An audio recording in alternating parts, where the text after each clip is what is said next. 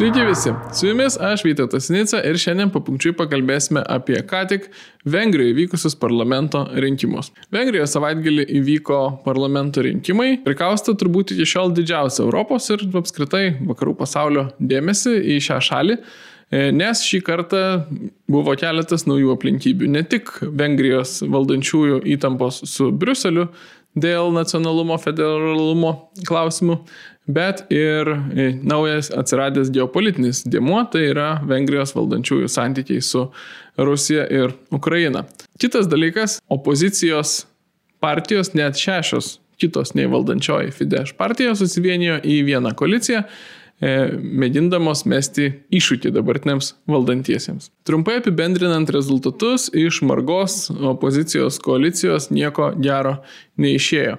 E, nors susivienijo šešios partijos, e, tačiau valdančioji Fidesz surinko daugiau procentų gyventojų balsų, tai yra 53, ir daugiau mandatų parlamente, tai yra 136, nei kada nors anksčiau per savo jau 12 metų trunkantį e, Vengrijoje valdymą. Ankstesniuose rinkimuose Fidesz rinkdavo 12 metais 43, E, o pastarosiuose rinkimuose 49 procentus e, gyventojų balsų. E, šie rezultatai reiškia, kad Fidesz turės ne tik daugumą, tačiau konstitucinę daugumą. Taigi galės valdyti ne tik be koalicijos partnerių, tačiau ir priiminėti konstitucijos pataisas. Nėra bejonių, kad Vengrijos valdantiesiems tai buvo labai sėkmingi rinkimai. Nesunku pastebėti, kad Fidesz, Vengrijos valdantieji, gauna procentaliai daugiau mandatų negu kad balsų. Nors ir balsų gauna, taip žiūrint iš Lietuvos perspektyvos, labai labai daug. E, šitas netitikimas įvyksta dėl to, jog jį sukuria Vengrijos rinkimų sistema. Vengrijoje, kaip ir Lietuvoje, yra mišri rinkimų sistema. Dalis parlamento narių yra išrenkama e, proporciniu principu pagal partijų sąrašus, dalis e, mažoritariniu principu, tai yra vienmandatėse apygardose apygardose.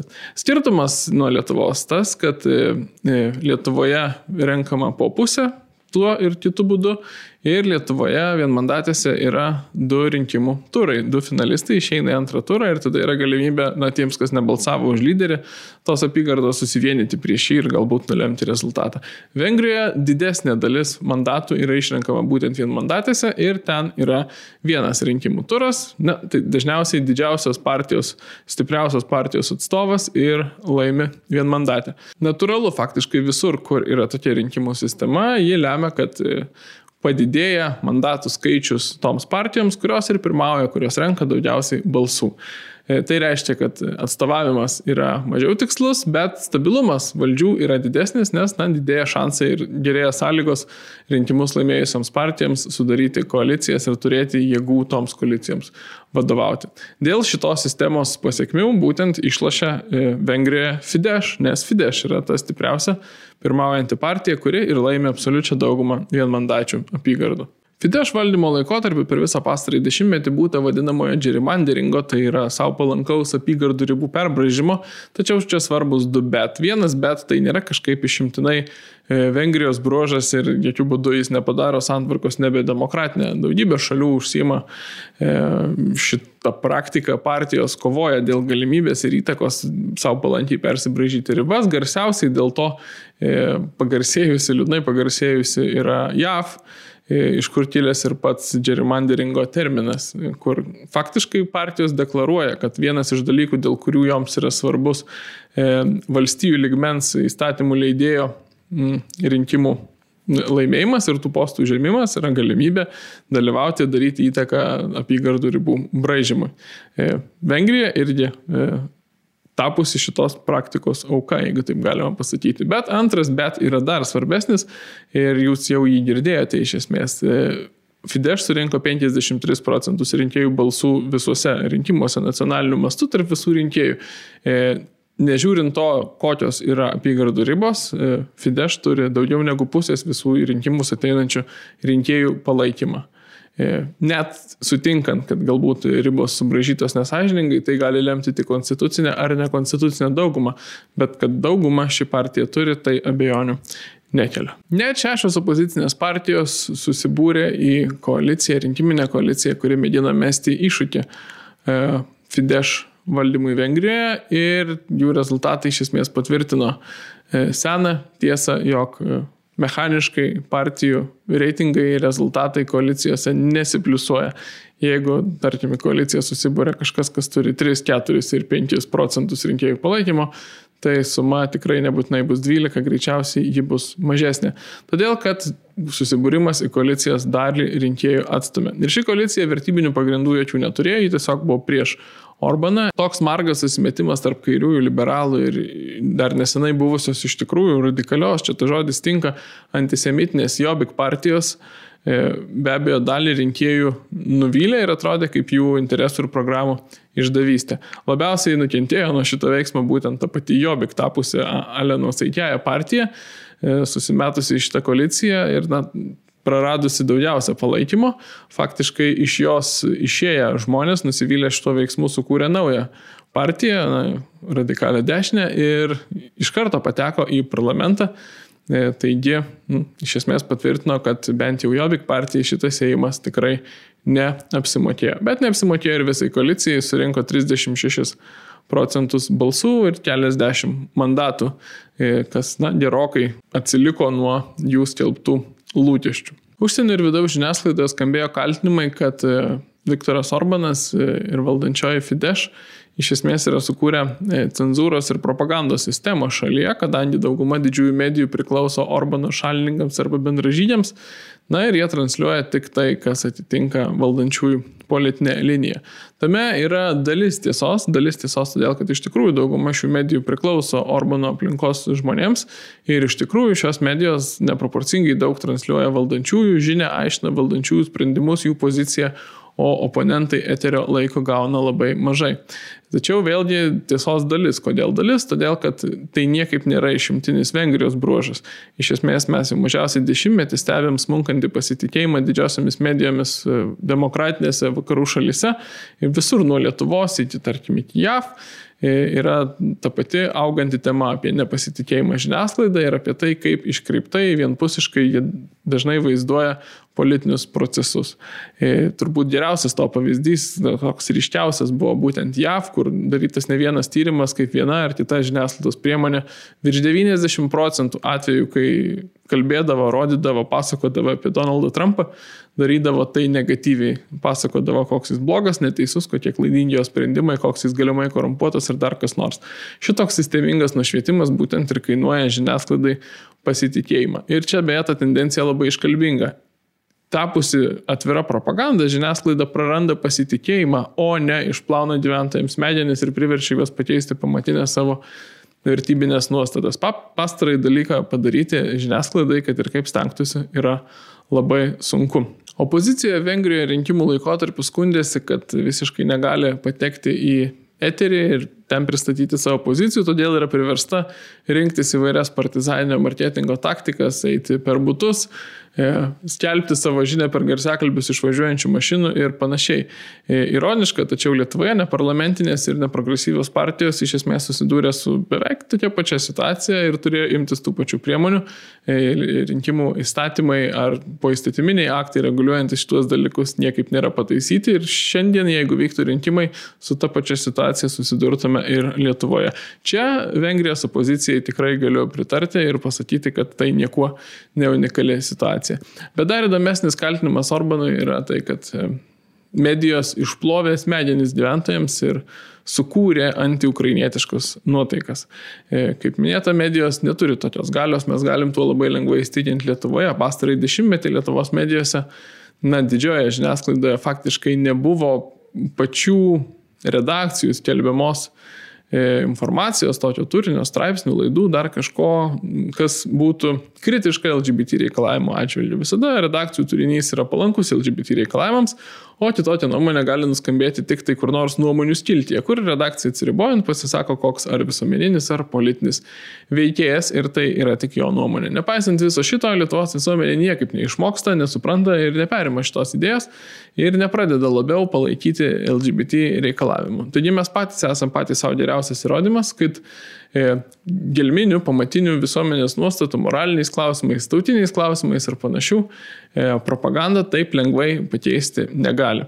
Ir čia sakyti, kad Vengrijoje valdantieji sugebėjo sukurti antiukrainietiškas nuotaikas, taip pat yra nepagrista. Jos yra daug senesnės už Fidesz valdymą ir turi istorinės priežastis, o ne propagandos galę. Žiniasklaidos paraštėse liko faktas, kad kartu su Vengrijos parlamento rinkimais vyko ir patariamasis referendumas, kurio metu E, Vengrijos gyventojų klausta nuomonės apie įvairius su lytiniu švietimu, tiek švietimo sistemoje, tiek ir žiniasklaidoje susijusiais klausimais. Ar tokios temos reikalingos, ar turėtų būti pasakojama apie seksualinę orientaciją, apie apskritai lytinį gyvenimą, apie galimybę keisti lytį ir panašiai. E, rezultatai buvo į vienus vartus virš 90 procentų, visais keturiais, ten buvo užduoti keturi klausimai ir visais keturiais klausimais E, atsakiusiųjų virš 90 procentų buvo prieš bet kokius siūlymus tą seksualiai jautrų turinį pateikinėti nepilnamečiams. E, viena vertus tai neturėtų stebinti, e, būtent Fidesz rinkėjai balsavo referendume, o opozicijos rinkėjai sistemingai stengiasi boikotuoti tą referendumą. Kažkuria prasme jiems tai pavyko, nes referendumo balsavimo aktyvumas buvo mažesnis negu rinkimų aktyvumas. Rinkimų aktyvumas buvo labai didelis, 69 procentai, jeigu nepainioju. Referendumo balsavimas buvo mažiau negu 50 procentų aktyvumas, todėl formaliai jis, na, tarsi ir neįvykęs. Tačiau tai buvo patariamasis referendumas, juo nebandyta priimti jokio teisės akto, juo bandyta parodyti, na, galima klausti, ar valdantieji bandė sužinoti visuomenės nuomonę, ar norėjo parodyti jiems ir taip aiškia visuomenės nuomonę, kad visuomenė palaiko jų netaip senai jau priimtus būtent panašius teisės aktus ribojančius e, lytinio švietimo galimybės šalyje. Ir na, šitą savo tikslą nebejotinai valdantieji pasiekė, o dėl to, kad opozicijos rinkėjai boikotavo referendumą, pasiekė galbūt netgi ir dar geriau rezultatai, į vienus vartus rodo palaikymą tam, ką valdantieji jau ir buvo padarę. Visą valdymo laikotarpį Orbanas demonstravo pragmatišką požiūrį į e, Rusiją ir norą bendradarbiauti su šia šalimi, ypač be abejo energetikos srityje. Ta jis ir darė, lygiai kaip Vokietija didina savo priklausomybę nuo Rusijos įvairiais projektais, lygiai taip pat ir Vengrija didina savo priklausomybę nuo Rusijos įvairiais projektais. Daugiausia Vengrijos dujų naftos importo yra būtent iš Rusijos. Rusijos bendroje modernizuoja Vengrijos atominę elektrinę. Rusija e, buvo skyrusi paskolą šio projekto, modernizavimo projekto įgyvendinimui ta priklausomybė yra tikrai didelė ir jos faktinis padarinys toks, kad net ir norėdama Vengrija, kaip ir Vokietija, kaip ir ne viena kita, tiesą sakant, kontinentinės Europos šalis, negalėtų imti ir atsisakyti Rusijos žaliavų tiesiog šiemet tam, kad nustotų finansuoti karą Ukrainoje.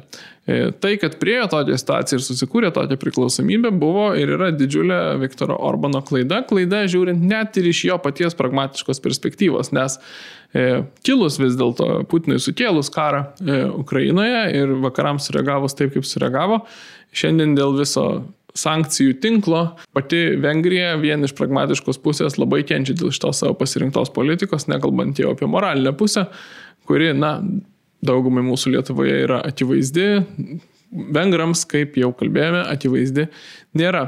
Bet kuriuo atveju šita klaida šiandien Vengrijai kainuoja. Visgi bandydami vertinti Orbaną turim pripažinti savo ir kitiems, kad šiuo požiūriu jis nėra kažkuo išskirtinis tarp vakarų Europos lyderių tiek Vokietija ir Merkel, ypač Vokietijos atsdemai, tiek Prancūzija, tiek kitos didžiosios kontinentinės Europos šalis po 14 metų po Krymo ir Donbaso teritorijų okupacijos toliau nuolatos gilino bendradarbiavimą su Rusija, tiesė Nord Stream 2, pardavinėjo ginkluotę Rusijai ir taip toliau. Didžiųjų šalių vadovų retorika Putino atžvilgiu yra daug subtilesnė, daug geriau skambanti ir, na, tai puiku, bet rezultatų prasme jų padaryta žala taip pat yra daug didesnė negu Vengrijos padaryta žala šioje situacijoje. Ir tai pripažinti nėra joks vatabautizmas, tai nėra būdas atplauti Orbano kalties, tiesiog pripažindami jo kaltę iškreiptume tikrovę, sakydami, kad tai jo išimtinė kaltė, turim pripažinti daugumos vakarų lyderių kaltę šioje srityje. Karas kaip niekada anksčiau parodė, kad galima reikalauti prisimti nuostolingus ir skausmingus sprendimus vardan moralesnės pozicijos, Tačiau tą, to turi reikalauti tas, kas ir turi reikalauti. Iš politikų turi reikalauti savo šalies piliečiai, iš bet kokio verslo turi reikalauti savi vartotojai. Bėda ta, kad vadovaujantis apklausomis iš Orbano jo visuomenė savirinkėjai visiškai nereikalauja keisti laikysenos ir užimti moralesnę poziciją. Priešingai, tik maža dalis, ketvirtis Vengrijos piliečių yra nepatenkinti jo laikyseną ir laiko ją pataikavimu Putinui. Trys ketvirčiai gyventojų mano, kad Orbanas turi daryti viską, kad užtikrintų e, geriausiamis sąlygomis dujų ir naftos teikimą vengrams. Vengrų tauta turi imperinių ambicijų, kurių niekaip neįmanoma realizuoti, todėl jį nuolatos tengiasi stiprinti kaiminių šalių e, vengrų ryšį su Vengrija kaip valstybė, stengiasi kurstyti jų autonominės ambicijas, kurios ir taip yra senos ir stiprios, kaip ir jų vengriškoji tapatybė kaip mes po pirmojo pasaulinio karo gavome nepriklausomybę, ją išsikovojom, apgynėm ir laikome tai savo istorijos dideliu laimėjimu, taip Vengrija po Trianono sutarties neteko didelės dalies savo e, žemių ir kartu juose gyvenusių e, vengrų tautybės piliečių. Ir nuo to laiko nuolatos turi revanšistinių nuodaikų, Ir visą tai e, programuoja konfliktus su kaiminėmis šalimis, įskaitant ir Ukrainą, kuri yra viena iš tų šalių, kuriuose esama gausios ir stiprią vengrišką tapatybę turinčios vengrų bendruomenės. Tai yra nuolatinis šių šalių nesantaikos šaltinis. Orbanas niekaip nekovoja su šiais savo tautos sentimentais, priešingai jiems pataikauja, tačiau istorija gan vienareikšmiškai moko, kad tokio gilumo visuomenės sentimentų neįmanoma dirbtinai pakeisti politikų pastangomis. Dešinieji Lietuvoje šiomis dienomis dažnai išgirsta klausimą, ar džiaugiatės dėl Orbano pergalės. E, tas pats, kas klausti, ar džiaugiatės, kad šyrit patikėjo Saulė. Vengrijoje nebuvo realios alternatyvos valdančiųjų Fidesz valdžiai. Buvo vienintelis realus klausimas, ar tai bus tiesiog jų valdžia, ar tai bus konstitucinė dauguma, kaip ir nutiko. Nebuvo tiesą sakant ir geopolitinių požiūrių Ukrainos atžvilgių moralios alternatyvos. Paprasčiausiai todėl, kad e, su aptartom visuomenės nuotaikom buvo priversti skaitytis ir opoziciniai kandidatai. Kaip po rinkimų akcentavo Wall Street Journal, e, tikrai kritiškas Orbano atžvilgių ir nepriekaištingos reputacijos JAV leidinys, e, Vengrijos opozicinė koalicija taip pat žadėjo nenutraukti dujų ir naftos tiekimo iš Rusijos ir, na, iš esmės laikytis tos pačios pragmatinės linijos šiuo klausimu.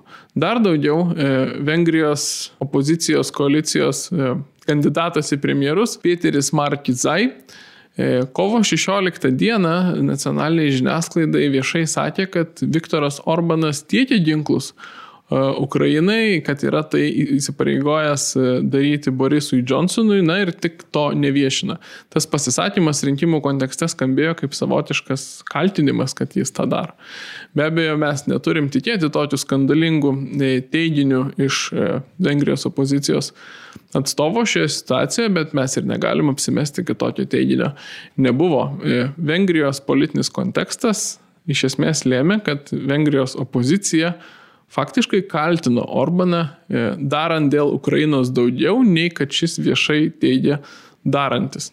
Ir tokioje situacijoje manyti, kad buvo kažkokia alternatyva ir galimybė, kad e, vietoj Orbano ateitų į valdžią Vengrijoje e, tokie valdantieji, kurie pultų padėti Ukrainai panašiai kaip kad padeda Lenkijos ar Lietuvos, buvo visiškai nepagrįsta. Geopolitinės alternatyvos Orbanui nebuvo. Apibendrinkime.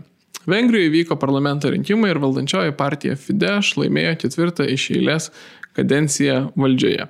E, jie turės konstitucinę daugumą ir vieni vairuos šalies vairą.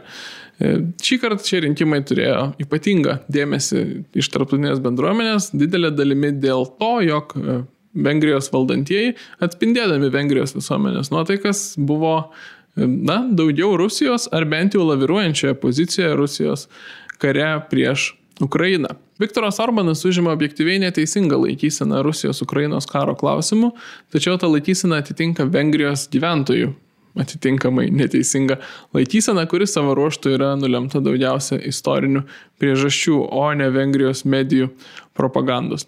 Būtų gerai ir būtų džiugu, kad e, geopolitinės orientacijos ir vertybinės orientacijos vidaus politikos klausimais sutaptų taip puikiai, kaip tarkime Lenkijos valdančiųjų atžvilgių, kur gali pritarti ir tuo, ir tuo, ir dar kočiu nors pjūviu. Vengrijos atveju taip nėra. Geopolitiškai klaidingoje orientacijoje esanti šalis E, vidaus klausimus, e, vertybinės, demografinės ir kitas problemas sprendžia puikiai ir vienareikšmiškai jos vertinti neišeina lygiai, kaip neišeina vienareikšmiškai vertinti tų šalių, kurios užima teisingą poziciją e, Rusijos ir Ukrainos klausimų, tačiau daro nesąmonės savo vidaus politikoje. E, ne tiek džiaugdamiesi ar liūdėdami dėl Vengrijos rinkimų rezultatų, visų pirma turim konstatuoti, kad tai yra šios šalies pasirinkta kryptis ir kad šį savaitgalį Vengrijoje dabartiniai valdantieji užsitikrino dar keturis metus absoliučios valdžios. Galiu nedrasiai prognozuoti, kad po rinkimų Viktoro Orbano pozicija e, Ukrainos atžvilgių turėtų gerėti, e, o pataikavimo Rusijai mažėti. Bent šiek tiek. Tiek šį kartą. Ačiū visiems žiūrintiems, mūsų remiantiems ir mūsų prenumeruojantiems. Darykite tai ir toliau. O kadangi balandis yra mėno, kai skiriame gyventojų pajamų mokesčio paramą e, tiems, kam nusprendžiame ją skirti, kviečiame dar kartą skirti ją Propatria sambūriui. Instrukciją, kaip tą padaryti, rasite apačioje po šiuo įrašu. Sudėjau.